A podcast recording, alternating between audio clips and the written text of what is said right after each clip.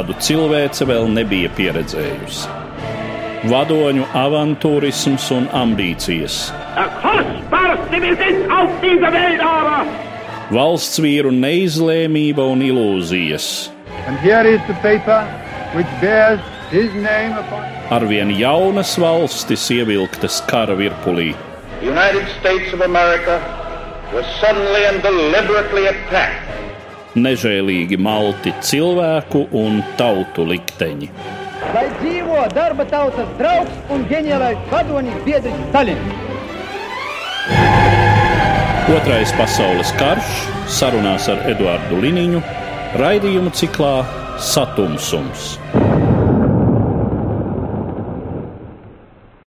Labdien, cienījamie klausītāji! Pasažieru Tvaikonis Vilhelm Gustlofs nolaists ūdenī Vācijā pasaules kara pašā priekšvakarā, elegants kruīzes kuģis, un 1945. gada 30. janvāra vakarā šo kuģi trāpa trīs padomju torpēdas, tas nogrimst un aizrauj nāvē Baltijas viļņos vairāk nekā 9000 gan vācu militāru personu, bet pamatā civilo bēgļu, kas to padara par traģiskāko upuru skaita ziņā kuģa katastrofu ne tikai Baltijas jūrā, bet pasaules vēsturē vispār.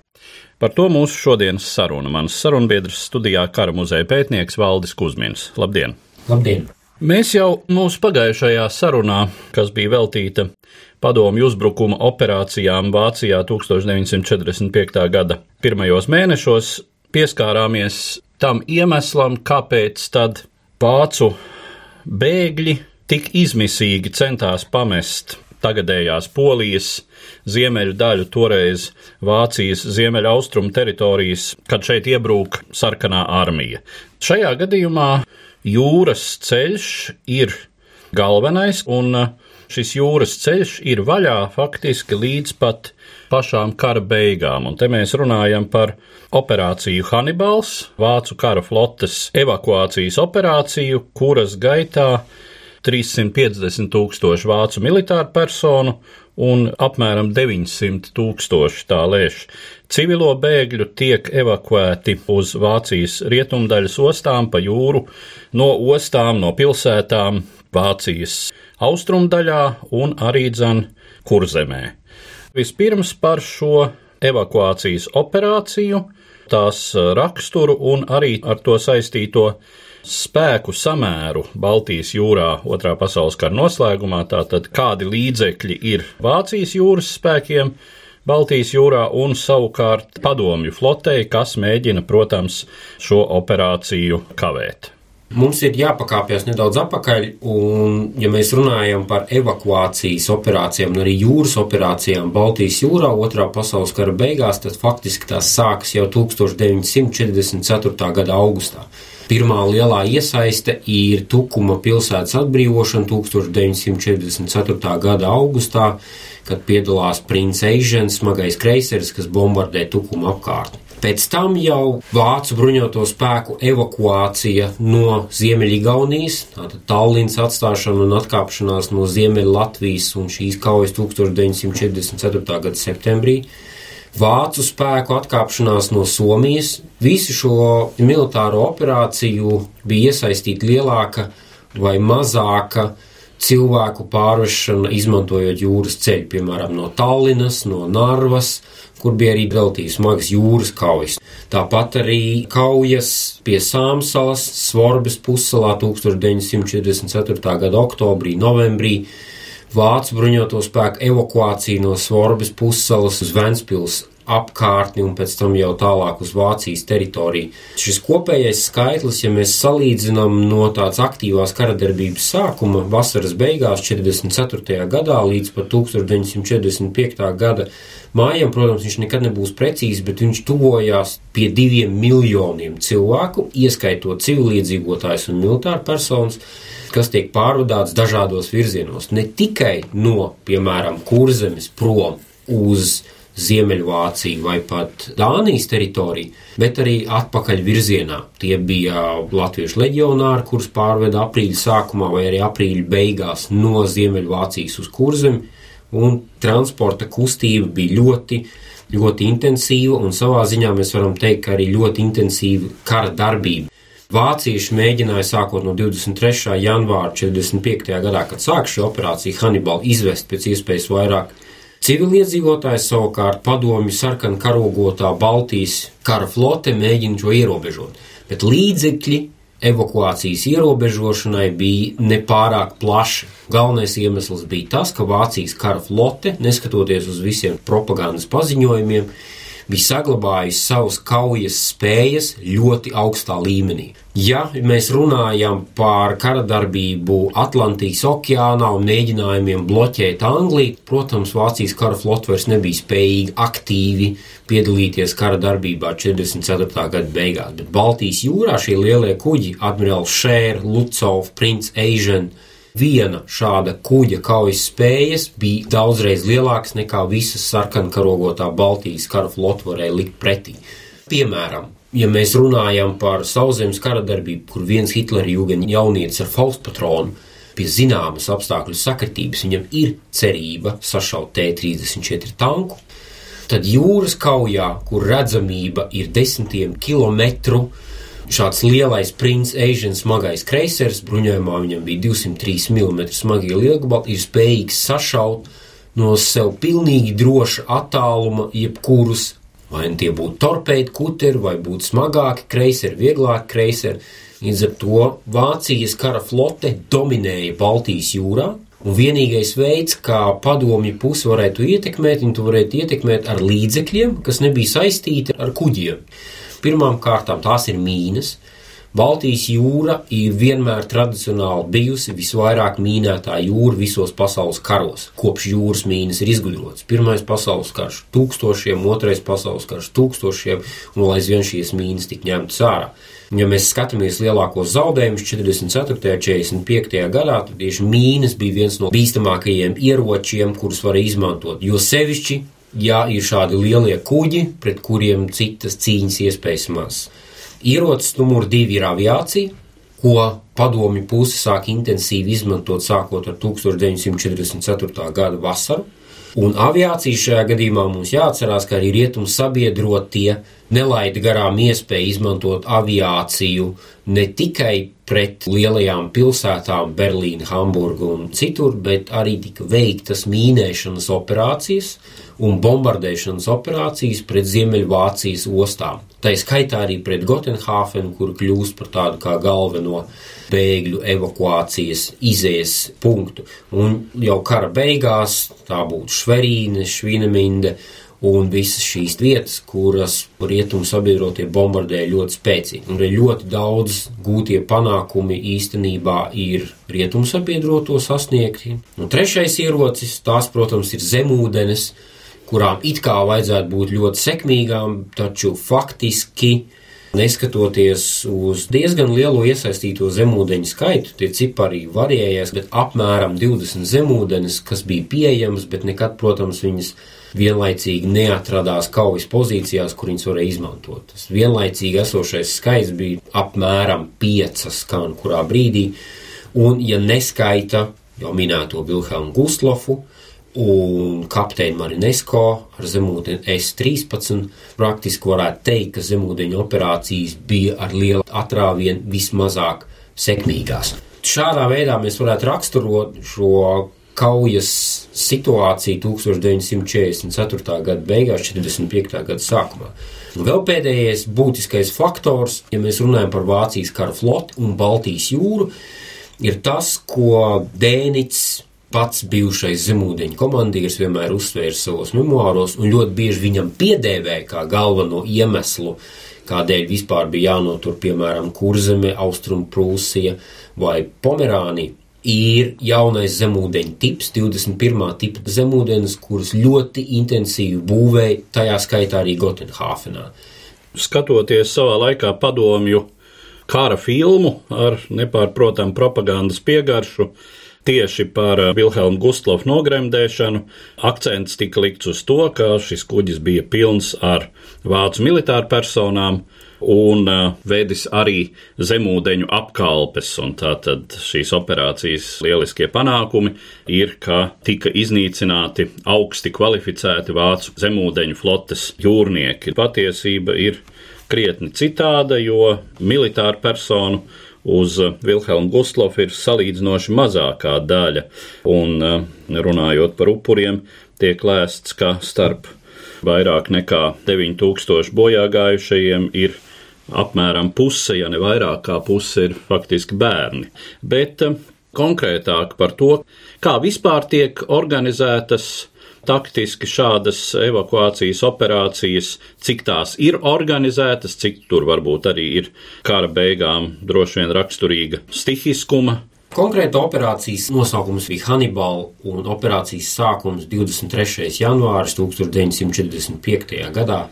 Šīs operācijas plānošana sākās janvāra vidū, un konkrēti operācijas Hannibal plānošana savā veidā bija tāda kā improvizācija bija divi Vācijas jūras spēku virsnieki, Oskars Kumets un Konrāds Engelhards.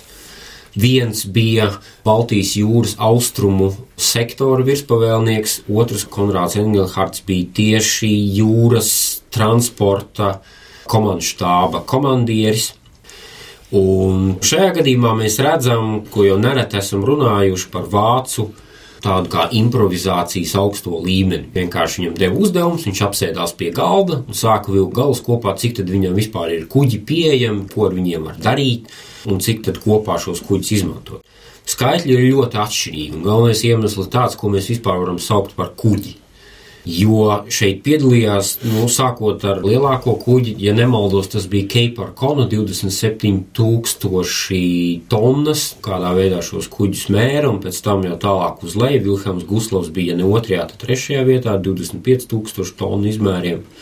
Šādi lielie kuģi pār pa 10,000 tonnām īstenībā nebija daudz. Ja nemaldos, tad viņi bija ne vairāk kā 10, 15 kuģi, un pirms operācijas sākuma lielākā daļa no viņiem tika izmantoti vai nu kā kazarmas, teiksim, Vilhelma Guslova gadījumā, tās bija kazarmas, kurās patiešām dzīvoja zemūdeņu jūrnieki. Vilhelma Guslova tajā pēdējā braucienā, ja nemaldos, bija 960 kadeti, instruktori, mācību spēki un topošie jaunie zemūdeņu matroši kas uz viņa atradās. Un tas varētu arī būt skaitlis, kas dzīvoja uz šī kuģa, kad kuģis atradās pietāvots Gotenhāfenā. Bet, protams, brīdī, kad ir šāda izmisuma situācija, uz šādiem kuģiem varēja sakāpt pat neticami liels cilvēku skaits. Viņi varēja apmesties vienkārši neticamās vietās. Tas ir arī iemesls, kādēļ bija tik smagi zaudējumi. Un šeit ir arī filmas filmētas, ir fotografijas redzamas, ka, piemēram, uz Vilhelma Guslava bija arī baseins, kurā nebija vairs ūdens, bet kurā atradās bēgļi. Jau kara beigās, savākot galus kopā, tika konstatēts, ka vislielāko cilvēku skaitu izveda 27 kuģi. Kopā viņi veica 194 braucienus, un braucienu kopskaitā izveda 700 tūkstoši cilvēku. Rekordists bija kuģis Deutschland, veica septiņus braucienus, un katru reizi izveda apmēram 10 tūkstoši, kopumā 70 tūkstoši cilvēku. No šiem 27 kuģiem 15 braucienus veids kuģi, kur izmēri bija 4-5 tūkstoši tonnas. Viņi bija piecas reizes mazāk par Vilhelmu Gustlofu.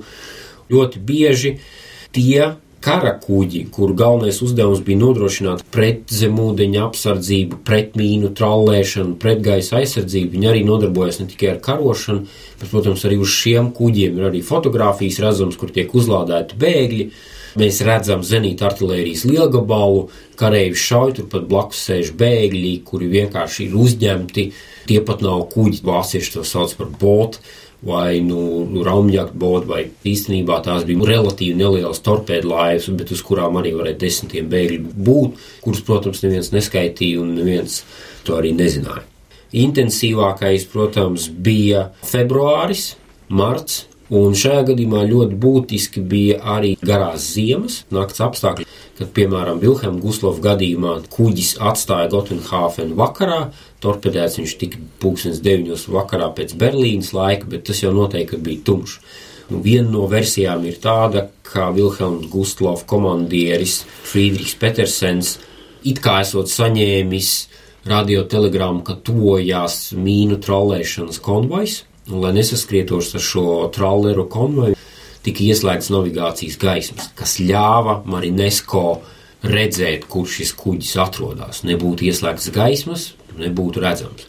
Protams, tā ir vienmēr arī diskusija, kādā veidā, pa kurien šiem kuģiem braukt, vai braukt pa dziļiem ūdeņiem, kur nav mīnas, bet ir zemūdens, ja braukt pa sekliem ceļiem, kur nevar būt zemūdens, bet toties tur var būt mīnas. Un uh, jūras kara vēsturē vienmēr šī kapteiņa loma ir nesalīdzināma lielāka, ja mēs salīdzinām, piemēram, kaujas uz sauszemes. Tas attiecas gan uz zemūdeņu komandieriem, šo pašu Marinesko, kura personīgie lēmumi, kā viņš nolēma, kā viņš rīkosies, kur viņš brauks, kad šaus kā tēmēs, ir ļoti atkarīgs no viņa personīgā talanta. Tāpat arī šo kuģu maršruta plānošana, braukšana, apsardzības kuģu rīcība ir ļoti svarīga no komandiera pieredzes, intuīcijas un reizēm vienkārši apstākļu sakritības. Ja runā par šiem kopējiem zaudējumiem, tad, protams, Vilhelms Gustlovs kļuva par tādu lielāko katastrofu pasaules vēsturē, bet jāatzīst, ka cilvēku evakuācija bija arī lielākā evakuācija pasaules vēsturē. Tur salīdzinot Dunkerku, tad tur tie skaitļi nobāž. Šeit mēs runājam par miljoniem cilvēku. Protams, nesalīdzinām lielākā laika posmā, bet tik un tā tur arī nesalīdzinām lielāka attāluma, laika apstākļi un pretestība daudz lielāka. Nogremdēto kuģu skaits patiesībā bija neliels. Vilhelms Gustlovs, ģenerālis von Stoibens, Goja un šie trīs lielākie kuģi un uz tiem bojā gājušo skaits ir nedaudz pārpa 15, 17 tūkstošiem cilvēku. Tad, kad Konrāda Engenharta štābs katra mēneša beigās vilka galus kopā, kādi ir zaudējumi, tad, piemēram, marta beigās viņi konstatējuši, ka ir reģistrēti 13,000 bezvēsts pazudušo. Tie, kas ir visticamāk gājuši bojā, un 13,000 marta beigās bija mazāk par 1% no visiem tajā brīdī reģistrētajiem bēgļiem, kas ir pieregistrēti uzkāpjot uz kuģiem.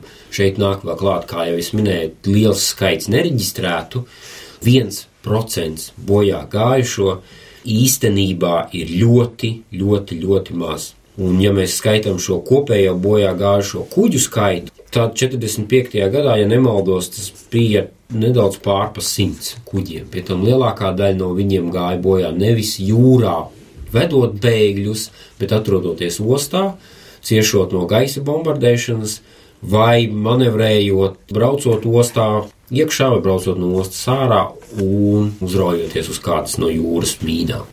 Kopējais bojā gājušo cilvēku skaits ir diezgan neliels. Ja vēl tagad šodien nāk cilvēki uz kara muzeja meklēt savus bojā gājušos radiniekus vai bezvēs pazudušos, kas ar viņiem noticis, vienmēr tāds jautājums, vai viņi nevarēja nogrimt jūrā. Tas secinājums tāds, ka jūrā nogrimušo skaits, kuri gāja bojā, nogrimdējot kuģus, ir tik neliels, ka tā ir drīzāk tāda kā nelaimīga apstākļu sakritība. Runājot tieši par Vilhelmu Gustlofu, ir skaidrs, ka, protams, šim kuģim tiekot ļoti sekmīgi torpedētam, trīs torpēdas, trīs trāpījumi un uh, iespēja, ka kuģis ilgi varētu noturēties uz ūdens, līdz ar to nekāda, un arī iespēja izdzīvot, protams, ievērojot ūdens temperatūru Baltijas jūrā janvāra beigās. Liekas, ka tie to brīdi ir apmēram 3 līdz 4 grādi pēc Celsija. Šādā ūdenī, kā zināms, cilvēks, ja arī viņam ir glābšanas riņķis vai veste, var noturēties pie dzīvības šķiet, ka 10-15 minūtes vai apmēram tā. Pēc tam viņš vienkārši nosalst. Nerunājot, protams, par to, ka ne visi tiek pie kaut kādiem glābšanas līdzekļiem, un ļoti daudzi nogrimst līdz ar kuģi. Arī jūsu minētā pārblīvētība no kuģa apakšējiem klājiem daudz vienkārši netiek ārā. Jautājums par to, vai padomju puse gremdējot šādus kuģus ar civilajiem bēgļiem, rīkojās atbilstoši karošanas noteikumiem, vai tas nav uzlūkojams par kara noziegumu?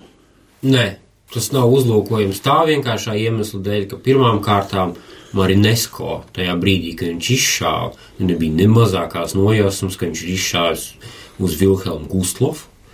Labākajā gadījumā, ko viņš redzēja, lielu melnu siluetu, ar navigācijas uguņiem.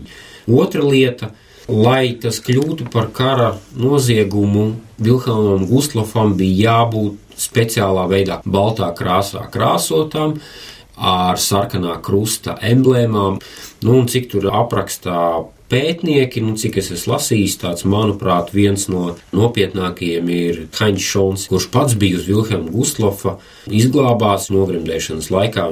Viņš uzsver, ka sakarā to, ka uz kuģa bija militāra personas, tad šo kuģi neviens pat nemēģināja nokrāsot šādās lazaretes kuģa krāsās. Kas savukārt būtu Jā, kas, kad, pārkāpums. Kas, un šajā gadījumā, ja mēs runājam arī par šiem zemūdeņu komandieriem, tad viņiem trāpījums vai netrāpījums ir tik liela laimes spēle, ka viņi vienkārši var arī nezināt. Un tā ir tāda vispār pieņemta lieta, ja mēs saskaitām, ko viņi ziņoja, ka viņi ir nogremdējuši. Kuģi, kas ir 20,000 tonnas liels, īstenībā tas ir zvejas trālers 500 tonnas. Tas nebija nekas tāds sevišķs, nu, tas ir tā, ko viņš tajā tumšajā naktī viļņošanas apstākļos redz. Protams, arī padomju propaganda pēc tam viņi stāstīja, ka viņi zināja, kas tikai tur šī kuģa. Un, ka tie ir zemūdeņu komandieri un speciāls uzdevums, bet tie ir mīti jau 60. gados, jo Marinesko pats bija tāda ļoti, kā tagad teikt, kontroversāla personība. Problēmas ar alkoholu, viņš bija tāds neiecietīgs un savā ziņā arī agresīvs, un viņam pat nepiešķīra padomju savienības varoņa nosaukumu par šo kuģi nogremdēšanu, bet piešķīra tikai sarkanā karoga ordeni, un jau pēc tam pēc nāves tas tikai tika piešķirts, un paši viņu atlaida degradējot dienestu pakāpē 45. gada beigās absolūta leģenda, ka Hitlers bija pasludinājis Marinesko par savu personīgo ienaidnieku. Tas tieši tāds pats mīts, kā viņš varēja zināt, ka tas tieši Marinesko. Ne viņš varēja zināt, ne viņa tajā brīdī tas interesē. Jā, nu pašam Marinesko liktenis ir visnotaļ dramatisks, kā jūs jau teicāt, no sarkankarogotās flotes atlaists un tad pārgājis civilā dienestā un galu galā arī atvaļinājies no jūras dienesta vispār kā saimnieciskais direktors strādājis pētnieciskā institūtā, apzadzies, trīs gadus nosēdējis cietumā. Jā, viņš bija izcils karavīrs, bet miera laika apstākļiem absolūti nepiemērota persona, kas starp citu nav nemaz tik reta parādība. Ja rakstītu viņa biogrāfisku romānu, tad arī uz viņa pasauli aizraidīto skaits iespējams arī tomēr rada zināmu psiholoģisku fonu. Bet vēl droši vien var pieminēt arī to, ka Nav tā, ka tikai padomju spēki būtu gremdējuši pasažieru kuģus, un te ir arī varbūt pat vēl nepievilcīgāki fakti pašās kara beigās. Tas ir aprīlis, māja sākums, kad britu gaisa spēki nogremdē jā, jā, vairākus lielus. Cape Arcona, uz kura atradās no koncentrācijas nometnēm evakuējamie ieslodzītie kuru izglābšanās iespējas bija vēl mazākas, jo tur nekas netika darīts, lai viņi varētu izglābties lielā skaitā. Bet arī šajā pašā gadījumā Briti vienkārši nezināja, ka viņš redz lielāko kuģi. Ostas reidā un dara visu, lai šo lielāko kuģi arī nogremdētu. Tas ir ļoti loģisks pilota rīcības ceļš, un, protams, viņš nevarēs zināt, kas uz šiem kuģiem atrodas. Un, ja mēs skatāmies kara kuģus iznīcinātos, tos pašus admirālus Šērs un Lucovs, kas kara beigās praktiski zaudēja savus kaujas spējas, tad tieši Britu aviācija bija tie, kas šos kuģus iznīcināja. Un pēdējais Prince Asian bija tas kuģis, kas palika praktiski vienīgais kaujas spējīgais. Runājot par operācijas Hannibals vietu Latvijas vēsturē, kurzeme līdz pat pašām kara beigām un divas ostas, Liepāja un Ventspils, ir tās, no kurām sevišķi no Liepājas notiek masveidīga arī dzene evakuācija. Un tas arī ir tas ceļš, pa kuru Vācijā nonāk salīdzinoši liela daļa Latvijas bēgļu, kas vēlāk veido pēc kara latviešu trimdu rietumos. Kāda ir apmēram tā proporcija no latviešiem, kas nonāk Vācijā un kā tas vispār izskatās uz visas bēgļu kustības fona. Šo skaitļus, diemžēl, neviens nevarēs pateikt, jo lielākā daļa no Latvijas iedzīvotājiem, kas nonāca Vācijā un eventuāli rietumos, evakuācija bija 44. gada augusts, septembris, oktobris, novembris, decembris. Brīdī, kad sākas operācija Hannibal, tad evakuācija no kurzemes samazinās līdz minimumam. Šī civilo bēgļu evakuācija ir notiek tik daudz, lai nebūtu jāsūta, nu, teiksim, tā tukši kuģi atpakaļ no Liepājas uz Vāciju, un tiek izvest arī šie civili iedzīvotāji ar tādu ļoti cīnisku, pragmatisku mērķi, lai viņi vienkārši neatrastos kurzemē un nebūtu tā kā lieki ēdāji, kas nu, sagādātu grūtības apgādēji. Tas jau 45. gadā. Šo cilvēku skaits, diemžēl, tas nekur nebūs. Jo operācija Hannibal tā bija plānota operācija, cilvēks mēģināja skaitīt, tad pirmsākumos īpaši to skaitīšanu nenodarbojās. Ja mēs runājam par kurzem, tad galvenais bija nevis civiliedzīvotāja evakuācija, bet tieši armija grupas kurzeme nodrošināšana. Un tā ir vēl viena lieta, kas notika paralēli operācijai Hannibal un nebija pats par sevi neatņemama šīs Hannibal sastāvdaļa. Tīri militārs transports, piemēram, 4. tanku divīzija no Kurzemes 45. gada februāra sākumā viņas vienkārši sasēdina kuģos un atved uz Gotenhāfenu atved bez tankiem, tanki gaida viņus uz vietas, viņus reiz iesaistās kaujās, un tie arī desmiti tūkstoši cilvēku. Militārs manevrs, operatīvu vienību pārvietošanu uz Vācijas teritoriju ar nolūku viņus izmantot Vācijas teritorijas aizsardzībā.